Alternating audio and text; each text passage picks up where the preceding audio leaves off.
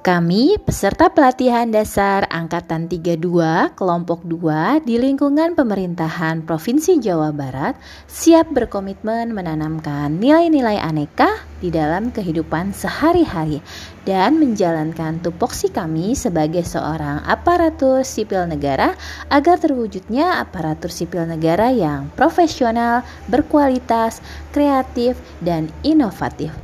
Bagaimana dengan kamu?